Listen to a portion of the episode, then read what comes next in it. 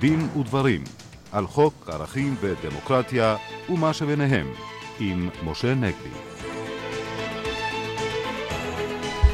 שלום לכם מאזינות ומאזינים, ערב טוב, עורכת התוכנית יורית ברקאי, טכנאי השידור משה קוזמה הראל, ליד המיקרופון משה נגבי וקובי ברקאי. בין כסה לעשור אנו שמחים לארח באולפנינו את פרופסור רחל ליאור, שהייתה ראש החוג למחשבת ישראל באוניברסיטה העברית, ואת השופט בדימוס גבריאל שטרסמן. בעזרתם ננסה לעשות את חשבון הנפש הערכי והמוסרי של הדמוקרטיה, המשפט והעיתונות בישראל לקראת יום הכיפורים. מאורחנו המומחה לדיני עבודה, עורך דין גדעון קורן, נבקש להבין כיצד בישראל תשע"ג עובדים מגלים לתדהמתם שלא רק פרנסתם אלא גם זכויותיהם לפיצויי פיטורין ולפנסיה מתפוגגות כלא היו. באולפן גם עורך דין קובי סגל שיתריע על סחבת ואטימות כלפי קשישים התובעים את עזבונות קרוביהם שנספו בשואה. אבל אה, נפתח בכותרת המשפטית הצפויה מחר. גזר דינו של ראש הממשלה לשעבר אהוד אולמרט על עבירת הפרת האמונים שהורשע בה משה, בבקשה. תראה קובי, נדמה לי שברור שגם הנושא הזה של גזר דינו של אהוד אולמרט שצפוי מחר הוא כמובן משתלב בחשבון הנפש שלנו אה, בין כסה לעשור אה, משום שבמסגרת חשבון הנפש הזה אנחנו בוודאי צריכים לשאול את עצמנו כיצד אירע שבתשע"ב נקבע לראשונה פה אחד על ידי אה, בית משפט במדינת ישראל, במקרה הזה בית המשפט המחוזי בירושלים, שאדם שהגיע למשרה הרמה של ראש ממשלה נכשל בשחיתות פלילית, בפגיעה מהותית בטוהר המידות, ככה הגדיר את זה אה, בית המשפט המחוזי.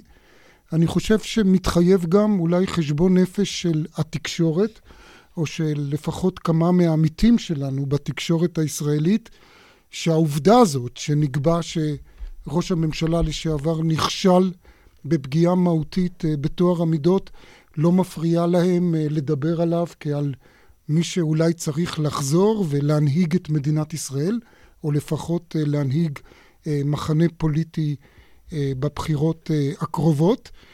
אבל מה בעצם נוכל לבוא בטענות על העמיתים שלנו בתקשורת, אם גם פרקליטות המדינה, ופה אני גם מכניס אותה לחשבון הנפש, לא ראתה לנכון אה, להטביע אה, אות קין של קלון, או לבקש מבית המשפט להטביע אות קין של קלון אה, במצחו של מי שנכשל שוב בפגיעה בתואר המידות. אבל צריך לומר שגזר הדין מחר בהחלט עשויה להיות לו השלכה על השאלה אם אהוד אולמרט אכן יוכל לחזור לחיים הציבוריים או לא. כמו שאנחנו יודעים, הפרקליטות ביקשה עונש של שישה חודשי עבודות שירות.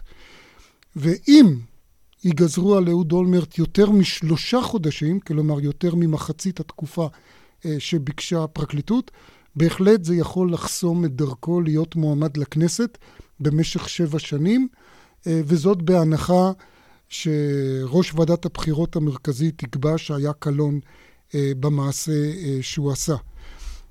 מקורביו של אהוד אולמרט יכלו אולי לשאוב עידוד מסוים מפסק דין שניתן אה, בשבוע שעבר אה, בבית המשפט העליון, ושבו נאמר שהפרקליטות, אה, או לפחות שניים מהשופטים, אמרו בו, שניים משלושת שופטי בית המשפט העליון אמרו בו, שהפרקליטות לא צריכה להזדרז לערער על זיכויים שהתקבלו פה אחד בבית המשפט המחוזי. יכול להיות שמקורביו של אהוד אולמרט רואים בכך איתות אה, אה, לפרקליטות אה, לא לערער על הזיכוי שלו באותן פרשות שמהן הוא זוכה בבית המשפט המחוזי. אני לא בטוח שהמסקנה הזאת שלהם נכונה, אבל בלי קשר לפרשת אולמרט, אני רוצה לומר שהאמירה הזאת של השופטים דנציגר וסולברג, שפרקליטות צריכה להימנע בדרך כלל מלערער על זיכויים פה אחד, היא נראית לי, עם כל הכבוד, אה, קביעה מפוקפקת, מכמה סיבות. קודם כל, כשהחוק במדינת ישראל קבע שמותר לערער על זיכוי, ידעו שיש מדינות שבהן אסור לערער על זיכוי, בכל זאת המחוקק אצלנו החליט שצריכה להיות אה, זכות כזאת. מעניין שדווקא שופטים שמקובל לחשוב שהם נגד אקטיביזם שיפוטי, אה, פה נותנים איזה מין הנחיה או החלטה אה, שלא עולה בקנה אחד עם החוק. אבל לגופו של עניין אני רוצה לומר שאם אנחנו נבוא ונגיד שבדרך כלל לא צריך לערער על זיכוי, אנחנו ניצור מצב שבו בית המשפט העליון מעולם לא יוכל להעלות את רף הדרישות הנורמטיביות אה, במשפטים פליליים. כי בכל מקרה שבית משפט יחליט לזכות נאשם, גם אם בית המשפט העליון יחשוב שבית המשפט הוא סלחני מדי כלפי שחיתות או כלפי עבריינות מין, הוא לא יוכל להביע את דעתו, דרכו תהיה חסומה להביע את דעתו הנורמטיבית. אני רק רוצה לומר, קובי, שאם למשל היה כלל כזה שאסור לערער על זיכויים, אה, לא היינו יכולים לקבל את פסק הדין המפואר בנושא אונס שומרת, שחולל מהפכה בהגנה על נשים אה, בעבירות מין. כי כזכור, אותם אנסים משומרת זוכו בבית המשפט המחוזי. אגב, שני השופטים בעליון שאמרו את מה שאמרו, אמרו, תראו, אה, אני כמובן מפרש את דבריהם, אומר את זה בלשון שלי, לא בלשון שהם השתמשו בה. הם אמרו, תראו, הנאשם הוא מסכן, הוא עומד מול התביעה הגדולה, אז אם הוא הצליח במשפט, בערכאה הראשונה, לצאת זכאי, אל תגררו אותו לערכאה שנייה. אני רוצה להזכיר שמול הנאשם, אנחנו מסתכלים אמנם על התביעה כגוף שלטוני, אבל מי זה התביעה? התביעה מייצגת את האינטרס של הציבור, את האינטרס של קורבנות העבירה. אם התביעה חושבת שמדובר, ניקח כמו במקרה של שומרת, באנס מסוכן, ושבית המשפט המחוזי זיכה אותו שלא בצדק, אם היא לא תערער על זה, היא תפקיר את האינטרס של כל אותם קורבנות אה, של מעשי אונס. לכן אני חושב שההחלטה הזאת היא החלטה לא חשובה, ושוב, בלי קשר להחלטה הזאת, אני חשבתי ועודני חושב שבוודאי שהפרקליטות צריכה לערער על הזיכויים אה, במשפטו של אהוד אולמרט. השופט גבי שטרסמן, נזכיר, היית שופט אה, שנים רבות. אה, איך אתה רואה קודם כל את הקביעה הזאת שמוטב שהפרקליטות לא תערער על זיכויים?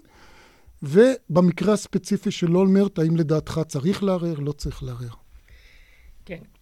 קודם כל אני חושב שבאמת באופן עקרוני, חוקתי, דמוקרטי, לדברים שנאמרו בבית המשפט העליון בעניין הזה, אין, נאמר, אין תוקף, מפני שחוק בתי המשפט קובע במפורש את זכות הערעור על פסק דין, וזכות זו, שזה לא איזה מושג ארטילאי שאפשר לפרש אותו לכאן ולכאן, אי אפשר לשנות על ידי אה, אה, דברים שנאמרו בבית המשפט העליון. דבר נוסף, כאשר פורסמה הידיעה הזאת על פסק הדינו של בית המשפט העליון בשבוע שעבר, אני התרשמתי שזה, אחרי שקראתי את פסק הדין, שהיה פה קצת public relations. פסק הדין הזה הוא בכלל לא ניתן פה אחד, הוא ניתן ברוב של שניים נגד אחד. עדנה ארבל התנגדה. השופטת עדנה ארבל אמרה שצריך לקבל את הערעור, והיא ניתחה את, בעיקר את הצד הפלילי, שבו היא מומחית ל, ל, בפרשה הזאת. דבר שני, השופט סולברג אומר שם בפסק דינו, בחלק שלו, אילו דנתי בתיק בערכאה ראשונה, ייתכן והייתי מרשיע את המשיב, שזה דבר מופלא מאוד כשהוא אומר משפטים אחרי, אחדים אחרי זה, שבאמת רצוי שהשלטון יימנע מהעניין הזה של אה, ערעורים בתיקים שנתקבלו פה אחד. דרך אגב, ההערה הזאת של השופט סולברג היא מבחינה משפטית מה שנקרא אוביטר דיקטום, כלומר אגב. הערת אגב שאין לה גם משקל מבחינת תקדימים או, או הלכות, הוא הביע את דעתו, הוא בעצמו אומר את זה, זה לא שאני צריך להגיד את זה, הוא אמר שהעניין הזה הוא אה, דרך אגב אורחה, הוא אמר את זה בסוף החלק שלו בפסק הדין. טוב, די הש... טבעי שהיה מי שרצה בגלל הפרשה של נכון. אולמרט. עכשיו, השופט דנציגר, שהצטרף במסקנה לפסק דינו של השופט סולברג, באמת קצת הרחיק לכת בעניין הזה של זכות הערעור, ולדעתו זה כבר לא היה אגב אורחה, אלא מעבר ל... ל, ל לא מעבר למה שצריך להכרעה. אבל כל מי שקורא פסקי דין ומתמצא בפסקי דין יודע שבכלל כל הסיפור הזה לא נוגע לעבירה שעליה היה הערעור בכלל מושתת, שזה היה העניין הפלילי ולא העניין, העניין הזה של, של אמירות. אני מטעם זה גם, גם עניין של אולמרט, אני חושב, אנחנו לא יודעים מה יהיה מחר. מחר יהיה גזר דין. אה, על אחת כמה וכמה, בהתחשב במה שאמרתי, ואני מחזיק בדעתי, זה לא מונע מהפרקליטות מחר, אם היא תרצה, לערער על פסק, על פסק הדין שאנחנו לא יודעים מה יהיה החלק של גזר הדין בו. דרך אגב, גם uh, התרועה הציבורית כאילו אולמרט זוכה, היא המצאה של יחסי ציבור. אולמרט הורשע.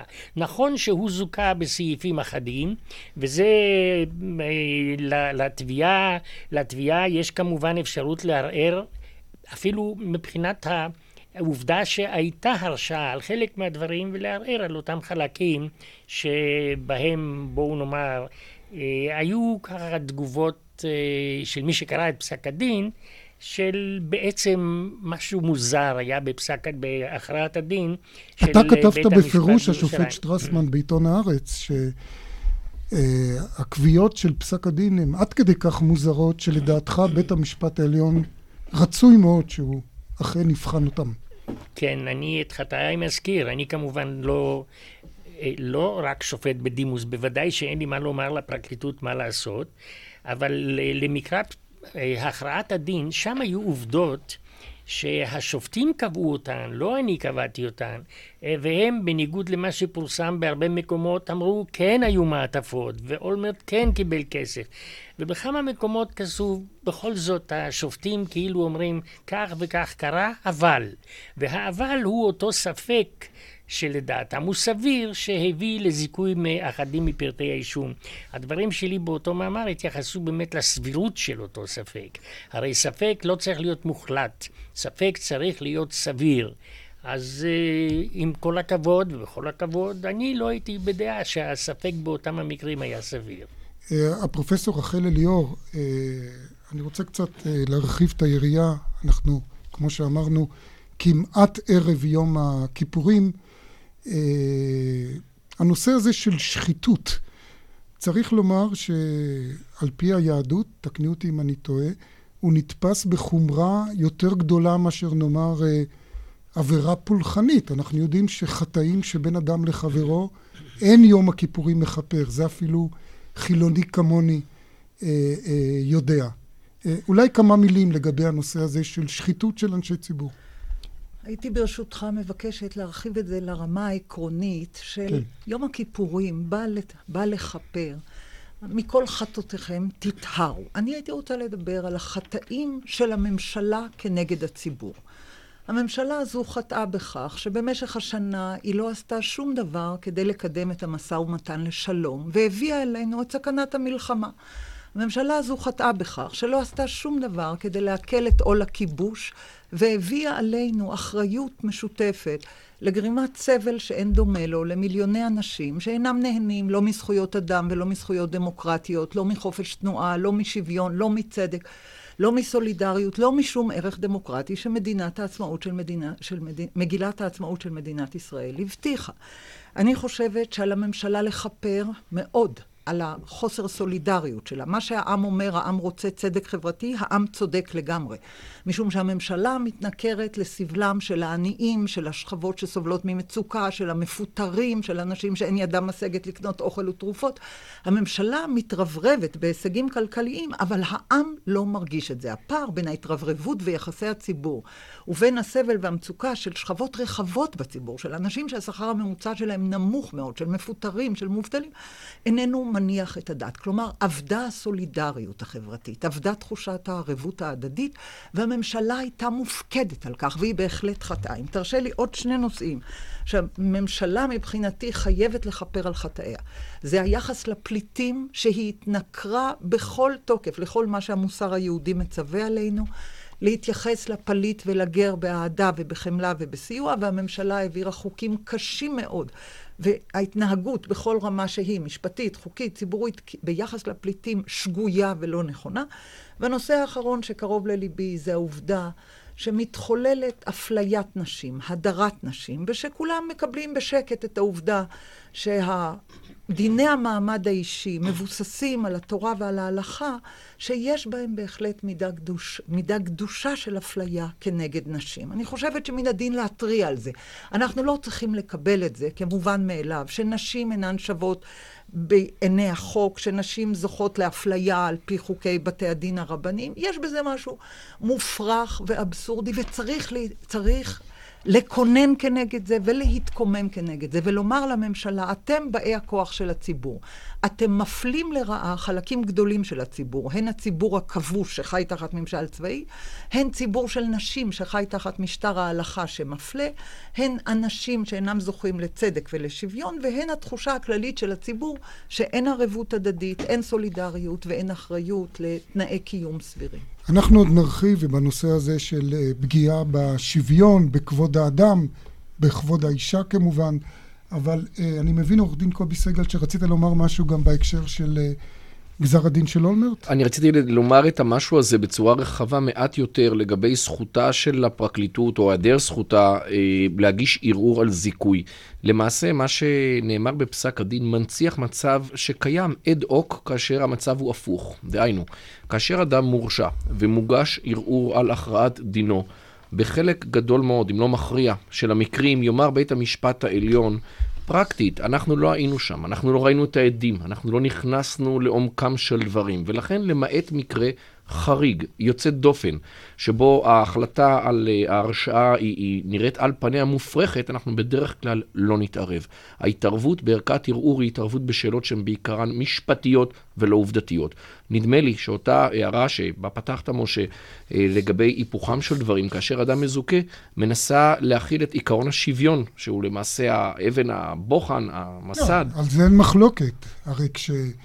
כשבית המשפט העליון קיבל את הערעור בנושא אונס שומרת, הוא לא התערב בעובדות, הוא קבע נכון, נורמה נכון, חדשה. נכון. נכון, אכן, והנורמה החדשה מקומה... ואם אתה תמנע, היית מונע את הערעור, היית מונע מבית המשפט לקבוע את הנורמה הזאת. השאלה היא שוב, לדעתי, הקו הגבול עובר בין הנורמה המשפטית, שהיא אכן במקומה, כגון באמת אותה פרשנות מחודשת של פרשת שומרת, לבין מצב של התערבות בגופי העדויות. המצב הזה חסום אד הוק גם היום, כאשר אדם שהורשע בפלילים בא ומנסה בערכת ערעור לומר, העדים שהיו נגדי לא היו אמינים, הוא יידחה. סביר להניח, רצוי אולי, שגם כאשר היפוכם של דברים הוא הנכון, כאשר אה, עדים נמצאים לא נאמנים בערכאה מסוימת ואדם מזוכה, אה, תחשוב הפרקליטות פעם, פעמיים ושלוש פעמים בטרם יותר לה להגיש ערעור במצב הזה. פרופסור אליאור? אני רק רוצה להעיר בשולי הדברים, לא מבחינת מבחן הנורמה המשפטית, אלא מבחינת אמון הציבור במערכת המשפט. חשוב ללא, חשוב לאין ספק ש... תהיה תחושה שכל אדם נשפט על אותן עבירות באותה מערכת ענישה נורמטיבית. ויש חשש גדול שבמקרה הזה אין קשר בין, הכר... בין תיאור העבירות לבין הכרעת הדין, ובית המשפט חייב לתת על זה את דעתו. השופט בדימוס גבריאל שטרסמן. כן, לדעתי העניין הזה של הערעור בזכות זה בכלל מעבר לכל ויכוח ודיון ציבורי. אה, א' ב' בכל ערכאה משפטית, בכל מדינה דמוקרטית, שיש לאדם זכות לערער. אנחנו מערערים על החלטות מנהליות בכל מקום ומקום, על החלטות של תכנון ובנייה, על החלטות של אה, רישוי עסקים. לא ייתכן שבפסק דין פלילי לא תהיה זכות ערעור למישהו, בעיקר לאור העובדה שבאמת בחוק בתי המשפט כתוב במפורש הדבר הזה, שיש זכות ערעור על פסק דין בערכאה ראשונה. ואם נלך לפי אותה הערת אגב של השופט סולברג, בעצם אולי כדאי לתקן את חוק בתי המשפט ולכתוב אין זכות ערעור כשפסק הדין בערכאה ראשונה ניתן זיכוי בפסק דין פה אחד. אה, פרופסור אליאור, אני רוצה שוב לחזור לעניין הזה של הדברים הנוקבים שאמרת לגבי התנכרות אה, השלטון, חטאי השלטון, על איזה חטאים השלטון צריך להכות. לכפר, להכות לח... על חטא. להכות, כן. להכות על חטא ולכפר אה, ביום הכיפורים. אה, אני חושב שהמכנה המשותף של רוב הדברים שאמרת זה באמת העניין הזה של פגיעה בערך השוויון אה, מכל מיני בחינות, ו... אה, נדמה לי שאחת התופעות המקוממות, אה, או, או אולי המוזרות, שהנושא הזה של הדרת נשים הוא בולט דווקא בתחום הזה של האמונה הדתית, של קיום הדת עצמה. אנחנו ראינו את התופעה הזאת של מניעת הזכות מנשים להתפלל ליד הכותל. אנחנו ראינו כמובן את הנושא הזה של אפליה דווקא בחינוך הדתי בין ספרדיות לאשכנזיות. איך את מסבירה את זה שדווקא אנשים שמדברים בשם היהדות הם אלה שחוטאים באפליה, או זה דבר שהוא באמת מעוגן בהלכה אפליה, או שמא יש פה עיוות של ההלכה היהודית? ואני אני שואל אותך את זה כמובן כדוברת מוסמכת מאין כמוה של מחשבת ישראל. נתחיל ונאמר שהואיל והמחשבה היהודית היא בת שלושת אלפים שנה, אתה בהחלט יכול למצוא בה הכל. אתה יכול למצוא בה החל מצדק צדק תרדוף. וחביב כל אדם, כולל כל אישה, חביב כל אדם שנברא בצלם, וכל המציל נפש אחת, כאילו הציל עולם מלא. כלומר, ונפש מתייחס לאדם, לאיש, לאישה, ליהודי ולשאינו יהודי, בכתבי היד הטובים של המשנה. כלומר, ברמה העקרונית, יש לנו הרבה מאוד עמדה אוניברסלית, עמדה שוויונית, עמדה שמקדשת חירות ושוויון וכבוד האדם ביחס לכל אדם. אבל במהלך הדורות, ההלכה בהחלט גם נטטה לכיוונים אחרים. במדינת ישראל, שהיא זו שעומדת לדין, ולא ההלכה שעומדת לדין. אנחנו מדינה ריבונית. ועל פי מגילת העצמאות, יש שוויון, אמור להיות, אמנם לא כתוב, אמור להיות שוויון לכל האזרחים. בחוק יסוד כבוד האדם, המילה שוויון איננה נזכרת. אתה יודע בוודאי שחוק יסוד כבוד האדם וחירותו, שהוא חוק יסוד, לא עבר שריון, והמילה שוויון איננה נזכרת בו. אני אחדד אפילו ואוסיף, פרופסור אליאור, שפעמיים ניסו להעביר חוק יסוד השוויון בכנסת, ובגלל התנגדות הממשלה זה נפל. והתנגדות הדתיים. וכאן, הדתיים, זו, אבל ו- אני, זה לא רק הדתיים. עם, לא, כלומר, הרעיון שאישה איננה שווה בפני החוק הוא רעיון פסול, משום שאישה היא אדם לכל גם דבר. גם לא יהודי איננו שווה בפני החוק. שני הדברים פסולים, לכן כן. דיברתי הן בגנות חטא הכיבוש והן בגנות חטא ההדרה לא, והאפליה. ה... צריך להעמיד את זה על חודו של עניין. לא ייתכן במאה ה-21, בין אם טוענים על פי ההלכה או על פי השריעה או על פי כל דבר אחר. לא ייתכן במאה ה-21 לומר שאישה היא קניינו של גבר, שלבת אין ריבונות אלא אביה הוא ריבון עליה או בעלה הוא ריבון עליה. לא ייתכן לומר שכל המלמד את ביתו תורה כאילו מלמדה טיפלות. אלה דברים שאבד עליהם הקלח. השוויון, החירות, הצדק חלים על נשים כמו על גברים. והעובדה שיש מרחבים שזה לא מוכל, זה פשע, זה דבר שצריך לערער עליו ולהילחם עליו. בעינייך זה וה... גם פשע כלפי היהדות, זה פשע כלפי המסורת היהודית השוויונית הצודקת, וזה שלמשל בכותל אוסרים על נשים להתפלל, זה דבר שהוא אבסורדי. וכי מי אמר שלגברים יש אוטונומיה על מרחב התפילה? וכי מי אמר שלגברים אורתודוקסים חרדים קיצוניים יש מרחב על המקום? שקדוש לכל עם ישראל, כל אחד מטעמיו שלו, אחד דתיים, אחד לאומיים, אחד רגשיים, אחד... כלומר, עצם הרעיון שקבוצה קטנה לוקחת מונופול על מרחב שהוא שייך מעצם הווייתו לכל הזיכרון היהודי, היא אבסורדית. ואנחנו לא צריכים להסכים לזה, שקבוצה קטנה תטיל את אימתה, הן אם מדובר בתג מחיר שמוכיח שלי דין ולי דיין בהגדה המערבית, והן, וגם כמובן עכשיו אצלנו זה הגיע עד לטרון, והן אם מדברים באפליה של נשות הכותל, שזה מוכיח שבכל מקום זה עלול להיות. השופט שטרסמן. זה, העניין הזה, זה, אני מסכים לכל מה שאת אומרת, תודה. אבל זה לא עניין של דתיים. הם לא כופים, בכל הכבוד ולמרבה הצער, מאז קום המדינה, מי שכופה עלינו את הדין הדתי אלה המפלגות האזרחיות. זה הרי אנחנו יודעים מאז קום המדינה. זה, זה חלק נכון, מההסכם הקואליציוני. נכון, נכון שהציבור הדתי הנבחר לא היה קיצוני כמו שהוא היום. זה חלק מהתהליך החברתי, אבל אפשר היה, אם לא נאמר בעשר השנים הראשונות של המדינה, לבטח היה ערב הקמתה של הממשלה הזאת, אפשר היה יפה מאוד להקים קואליציה אחרת, אם לא היו שם כל כך הרבה אינטרסים אישיים כרוכים בכל העניין הזה. עורך דין קובי סגל, כאולי נציג יחיד של הדתיים. זה אולי, אני חושב שאכן אה, בדיני המשפחה לא קיים שוויון, אבל הלא קיים שוויון הזה הוא דו-כיווני והוא דו-ערכי, מכיוון... מכיוון שחלק מהדוגמאות שציינה פרופסור אליאורי הן אכן נכונות בהחלט לגבי אולי מה שנתפס כאפליית נשים, אבל לא מעטים יראו בחוק, כפי שהוא מיושם היום, גם אפליית גברים בכיוון השני של המתרס. החל משיוך אוטומטי של ילד בחזקת הגיל הרך לרשותה של, של אימו, גם כאשר החברה שואפת ומעודדת נטילת מקום אקטיבי מאוד של ההורות הגברית, מבחינה אחת, כמו לדוגמה חיוב טוטאלי במזונות, לא מתפשר, עד גיל 6, על פי ההלכה היהודית של מזונות גבר. בכל הדברים האלו, גם האישה אה, עשתה קריירה, הצליחה כלכלית, ויכולה לתמוך בילד הרבה יותר מאשר הגבר, הגבר יהיה זה שיהיה מחויב, על פי החוק החילוני שאומץ אה, בוורסיה מסוימת של ההלכה היהודית מהבחינה הזאת. כך שאם אכן מדובר על צדק, צדק לכל, על כל פני המערכת, ולאו דווקא על כיוון אחד. אנחנו אה, נעשה כאן הפסקה, כבר 7.31, ומחדר החדשות מגיע דן עופרי עם העדכון, בבקשה דן.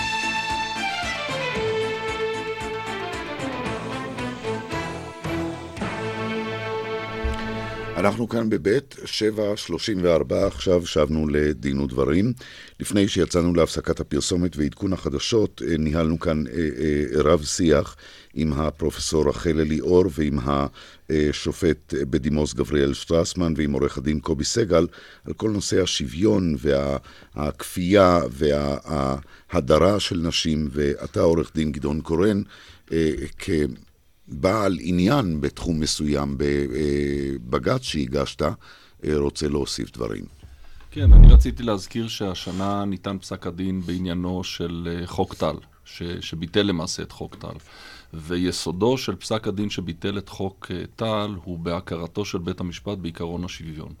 ואני חושב שזה מאוד, מאוד חשוב לציין את העובדה הזאת, כי בהרבה הקשרים שכבר נזכרו על ידי קודמיי בנושא של המאבק למען השוויון, חשוב לזכור שבית המשפט הוא עדיין מעוז אה, איתן, שמכיר בעיקרון הזה, גם אם מילה זו או אחרת איננה נזכרת בחוק אה, זה או אחר. עיקרון השוויון, אני חושב שהוא אה, משמש אה, נר לרגליו, ישנם פסק, פסקי דין נוספים. ש, שהכירו בעיקרון הזה, ואני חושב שצריך אה, למצוא את הדרכים להיעזר ולפנות בבית המשפט אה, יותר. גם בדוגמאות שנזכרו פה, גם בנושאים שקשורים לאפליית נשים, גם בנושאים שקשורים לבתי הדין הרבניים. מערכת המשפט היא בכל זאת מערכת שמכירה בעיקרון הזה של השוויון, ויכולה להשית סיוע בהרבה מאוד סיטואציות שבהן העיקרון הזה מופר. אתה רואה, אתה, מה רצית לומר, פרופסור? אני רציתי לומר שפנו לבית המשפט בעניין של נשות הכותל, ובית המשפט דחה את זה מטעמים שאינם זכורים לי, אבל לא תמיד השוויון, אילו היה שוויון בחוק יסוד, אי אפשר היה לשלול מנשים את הזכות להתפלל.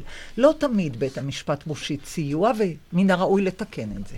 חוק יסוד שוויון היה מועיל מאוד. ללא ספק. אנחנו נעבור עכשיו לנושא אחר. אה, אנחנו נדבר על העיתונאים והעובדים באלפים שמוצאים את פרנסתם במעריב. הם ישבתו מחר כל ההמונים, והעיתון שלהם כנראה לא יתפרסם מחרתיים בערב יום הכיפורים, לאחר 64 שנים, נדמה לי, ויותר, שלא יופיע עיתון מעריב. השופט גבי שטרסמן, אתה בעבר היית אה, עיתונאי ועורך בכיר במעריב, ואני חושב שעכשיו אני יכול לשאול אותך, לאחר שאתה גם שופט בדימוס, על הנושא של להיות מודאג לא רק כעיתונאי ממה שמתחולל במעריב. כן, קודם כל זה סיפור עצוב ביותר.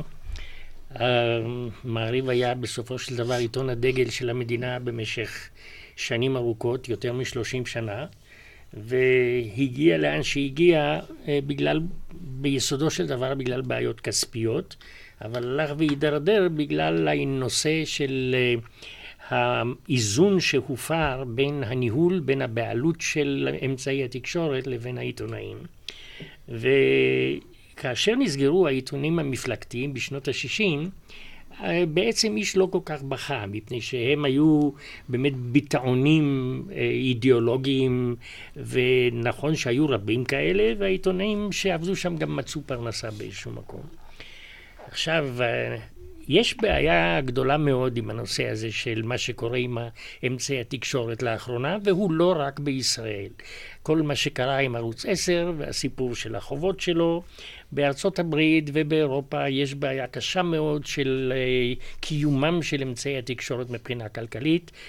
כידוע, בצרפת הממשלה מסבסדת היום כבר עיתונים, דבר שאני לא בטוח שהוא טוב, אבל על כל פנים נותנים את הראש, נותנים את הדעת על הבעיות האלה. עכשיו, בארץ מעריב הוקם בצורה שונה לגמרי מכל העיתונים בעולם. אה, היו, הייתה קבוצת עיתונאים בכירים שעבדו בידיעות אחרונות, למעשה דוקטור עזריר קרליבך שעמד בראשם, הוא הקים בכלל את ידיעות אחרונות, והם יום אחד החליטו... לא, היה את ידיעות אחרונות. עשר שנים קודם לכן. ויום אחד כן, הם כן. החליטו באמת כן. אה, על אותו מהפך לפרוש ולהקים את עיתון מעריב כעיתון מתחרה. הסיבה שלהם הייתה בדיוק הנושא שעליו אנחנו מדברים. התלונות היו שמי שאז היה הבעלים של ידיעות אחרונות, אה, יהודה מוזס, הוא זה שהיה... של נוני מוזס. כן, אבל בוא נאמר, אני לא, לא, לא חייב להיות קשר. ועל כל פנים, שהוא היה מתערב בענייני תקציב, אני זוכר שחלק מהסיפורים היו שהוא הורה לקרליבך, שהוא נסע לאו"ם, לקצר לא במברקים שלו, כן. מפני שזה עולה כסף. כן. טוב, זאת הייתה הפרישה. העיתון הוקם בצורה מאוד מאוד יוצאת דופן. נמצא משקיע עיקרי, עובד בן עמי, זכרו לברכה, שהיה ראש עיריית נתניה ושהיה לו הרבה מאוד כסף. ונמצאו אותם עיתונאים שהגיעו בעזרתו, דרך אגב, הפעילה זה בוודאי לא זוכרים. מי שהיה מאוד מעורב בזה היה מי שאחר כך היה שר ויושב ראש הכנסת. יצחק ברמן. יצחק ברמן, שעודנו חי בתל אביב, וייבדל לחיים ארוכים.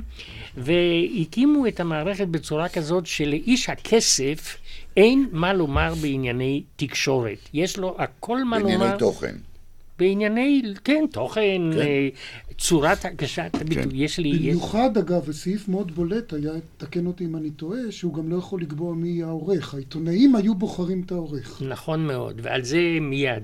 כן. היה, היה אפילו מניסיון אישי, אני הייתי עורך בחדר החדשות, כאשר בימים שבהם עוד הייתה גם אתיקה בעיתונים, דבר שלדעתי אה, עבר מן העולם מזמן. מזכיר גם שהיית מרצה לאתיקה. כן, אז הנה יום אחד הייתה ידיעה שהוגש כתב אישום נגד עובד בן עמי בענייני עיריית נתניה, והידיעה עמדה להופיע בעיתון שלמחרת, ועובד בן עמי מטלפן למערכת, אני מרים את הטלפון, והוא הכיר אותי, ואני הכרתי אותו, הוא אומר, אני רוצה להגיב על כתב האישום.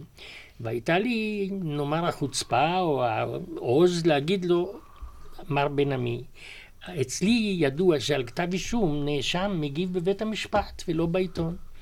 אף אחד לא העיר לי, אף אחד לא פיטר אותי, איש לא נקרא מסחרי, עובד בן עמי כנראה הבין שכך צריך להיות. יום אחד אה, הדברים התחילו קצת להשתנות. זה היה כאשר העיתון החל לרדת מן הפסים הכלכליים שלו. וכאשר אה, רוברט מקסוול בסוף שנות ה-80 רכש חלק ארי מהמניות של מעריב, הוא בא עם מונחים ממדינתו אנגליה, הוא אגב לא היה באנגלי במקור אלא צ'כי, אבל לא זה העניין. הוא בא ממונחים של עיתונים שבהם למו"לים יש מה לומר. והנה הוא יום אחד אה, אמר משהו ב... ב הוא הביע ביקורת על מה שכתוב בעיתון. וזה היה בשנת 89, כשעורך מעריב אז היה עידו דיסנצ'יק, שהיה בנו של העורך אריה דיסנצ'יק, כן, כן. זכרו לברכה. ועידו עשה דבר, בכל הכבוד, ואני גם מוכן לשמוע שאני טועה, שלא נעשה עוד בעולם.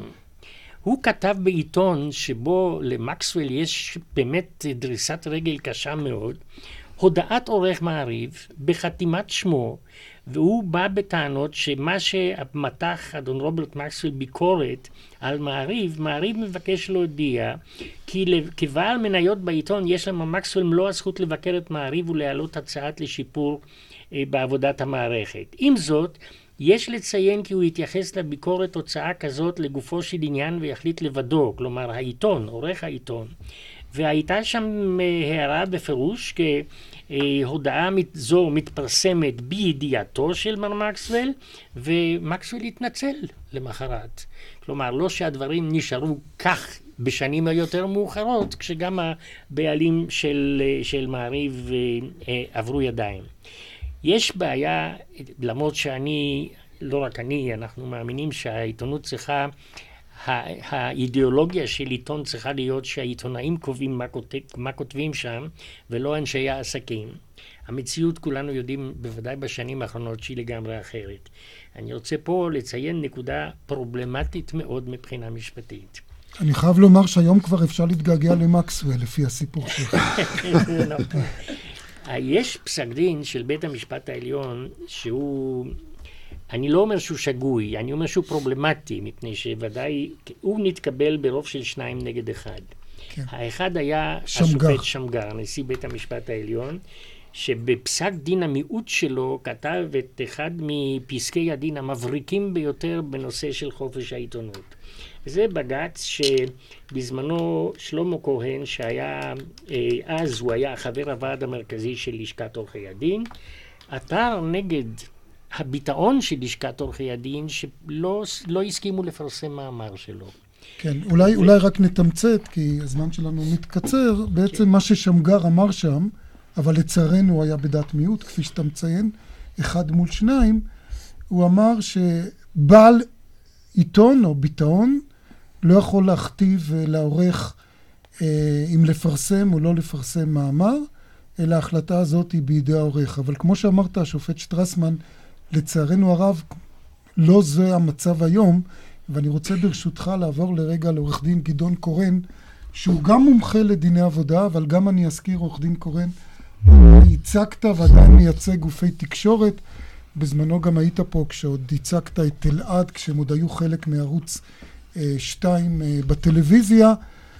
אנחנו רואים היום שעובדים לא רק שלא יכולים לעמוד מול המו"ל, אלא פתאום מתברר שהמו"ל יכול שלא לשלם להם פיצויים, לא להפריש להם כסף לפנסיה, ואין פוצה פה ומצפצף. אתה מופתע? אני, אני רוצה להוסיף, כן. לפני השאלה של משה, להפנות אותך לתגובה לדברים של השופט שטרסמן שרצית להגיב, ואז נגיע לעניין של הפנסיה, שעכשיו העובדים עומדים מול שוקת שבורה. אנחנו ניתן כן. לך, השופט שטרסמן, להגיב על כך. ראו, התקשורת, uh, ואנחנו רואים את זה גם עם האפשרות של ה, ש, שמסתמן של הרכישה של מעריב, והנקודה של ערוץ 10 שכבר הוזכרה, ככל שאמצעי התקשורת uh, מצטמצמים, ואנחנו בסך הכל רואים תהליך של צמצום כזה. אין, אה, אין ספק שרמת הלחצים מבחינת התוכן העיתונאי שמופעלים על מי שעומדים באמצעי התקשורת הולכים, ו, הולכים ומתרבים. אנחנו לא מדברים רק בהכרח על, אה, על בעלים, למרות שאנחנו תמיד נתקשה למצוא ראיות ישירות למעורבות של בעלים אה, אה, בתוכן, ובמובן הזו הסיפור של מקסוול הוא די, די יוצא דופן. לא נמצא יותר מאשר עוד שניים, אה, שלושה כאלה. אה, באופן פורמלי הבעלים אינם מתערבים, באופן הפורמלי הבעלים מקדשים את חופש העיתונות, אבל העיתונאים עצמם, שלא, שלא לציטוט, נושאים כל אחד את המטענים של, ה, של המקרים שבהם אה, אה, כן התערבו, במקרים הגרועים ביותר, ושל המקרים שהם גרוע. הבינו לבד מה בדיוק. כדאי ומה לא כדאי לעשות, בלי שאף אחד לומר, אמר להם את זה בצורה מפורשת. ובוודאי יסכים איתי השופט שטרסמן, שהצנזורה הכי גרועה היא צנזורה עצמית. נכון. ועיתונאים כבר יודעים מראש נכון. לא היא הולכת ומתפתחת, לא רק כלפי המו"לים והבעלים, אלא גם כלפי גורמים כמו מפרסמים, שהם יודעים כן. שמאוד חשובים לכלי התקשורת שבו, שבו הם עובדים. כלומר, הולכת ומתפתחת איזושהי תופעה של ריסון uh, עצמי, צמצום של העיתונאות החוקרת, המסורתית, שהכרנו כל ה... כל השנים, וזו תופעה שכמובן כל מי שחופש העיתונות אה, יקר לו, צריך להיות מודאג ממנה. עכשיו לגבי העובדים. קורן, לגבי העובדים אני רק רוצה להוסיף משפט כדי שאתה תתייחס אליו. הבוקר שמעתי את אה, יושב ראש ההסתדרות עיני, אה, נשאל אם זה שיגלו שהכסף שהועבר על ידי העובדים לפנסיה שלהם, לפיצויים שלהם, פתאום איננו, ועכשיו צריך לחפש אם זה פלילי, והוא לא ידע לענות אם זה פלילי או לא, אבל אני אשמח לשמוע את דעתך בנושא. טוב, אז הסיבה המרכזית שלא מזכירים את הדין הפלילי בהקשר הזה, היא משום שהדין הפלילי לא הופעל. אבל עדיין מדובר בעבירה פלילית. יש לנו את חוק הגנת השכר. חוק הגנת השכר קובע בצורה מפורשת בסעיף 19 שלו, שאסור לנקות אה, משכרם של עובדים אלא ניכויים מותרים. אחד הניכויים שמותר לנקות משכרם של עובדים, זה סכומים שבהם העובד משלם את חלקו בקרן פנסיה, קופת גמל, ביטוח מנהלים וכיוצא באלה מכשירים, כן. מכשירים פיננסיים. אבל ביחד עם זה, החוק מניח שהניכוי הזה מותר, משום שהוא ממשיך לשמש לצרכיו של העובד. כלומר, מועבר למטרה שאליה הוא אה, אה, אה, מיועד, ותקנות הגנת השכר גם קובעות את הדבר הזה בצורה מאוד מפורשת. השאלה שנשארה יותר אה, מעורפלת היא מה קורה כאשר הדברים האלה אה, אה, לא נעשים, או כאשר הכספים אינם מגיעים, ל, אינם מגיעים לייעודם. ופה יש שני, אה, יש שני מישורים של טיפול. המישור האחד של הטיפול הוא המישור שהוא ב, אה, במשרד האוצר, תחת המפקח על הביטוח, שמנחה את הגופים הפיננסיים, את, ה, את קרנות הפנסיה וכן הלאה, אה, לפעול במקרים שבהם הניכויים לא מגיעים אליהם, אבל דורש מהם למעשה רק לעשות דבר אחד אה, אופרטיבי, והוא כאשר הדברים אינם, הכספים אינם מועברים במשך חצי שנה, לשלוח על כך הודעה לעובד. בכך, בדרך הדברים הרגילה, הם יוצאים ידי, אה, ידי, חובה, חובה. ידי חובתם. ורואי החשבון של מעריב לא חייבים בפני עובדי העיתון? על צדקת הפרשת הכספים? רואי החשבון זו שאלה נפרדת, תכף נראה אם נספיק להגיע אליה. על כל פנים, ה, ה, ה, ה, זה מה שקורה מבחינת קרנות הפנסיה. הדבר השני הוא כמובן העובד עצמו. לעובד עצמו יש זכות גם כן לתבוע את, ה, את המעביד שלו, אם זה איננו מנקה את הכספים, אבל כמובן, אה, זה, זה שוב נכנס לאותה מערכת של, של מה הוא יודע ומה הוא לא יודע. בתי הדין לעבודה, לעומת זאת, בתי הדין לעבודה, לעומת זאת, במספר מקרים, אה, כבר התייחסו לסיטואציות אה, דומות והתייחסו לזה בצורה יותר אה, נוקבת. למשל, הם אמרו שקרנות הפנסיה עצמן אינן יוצאות ידי חובתן במשלוח אותה, את אותה הודעה, אלא יש תנאים נוספים שקופות הגמל צריכות אה, אה, לעמוד בהם, ואם הן לא מראות שהן עשו את, ה, את הפעולות הנדרשות, יכול להיות שהן עצמן תהיינה חייבות כלפי אותם עובדים, משום שהם לא הגנו עליהם אה, אה, הגנה מספקת. לגבי המקרה הספציפי של uh, מעריב, אני כמובן אינני יודע את הפרטים, אבל אני רוצה, uh, אני חושב שצריך uh, לזכור שני, שני דברים uh, חשובים.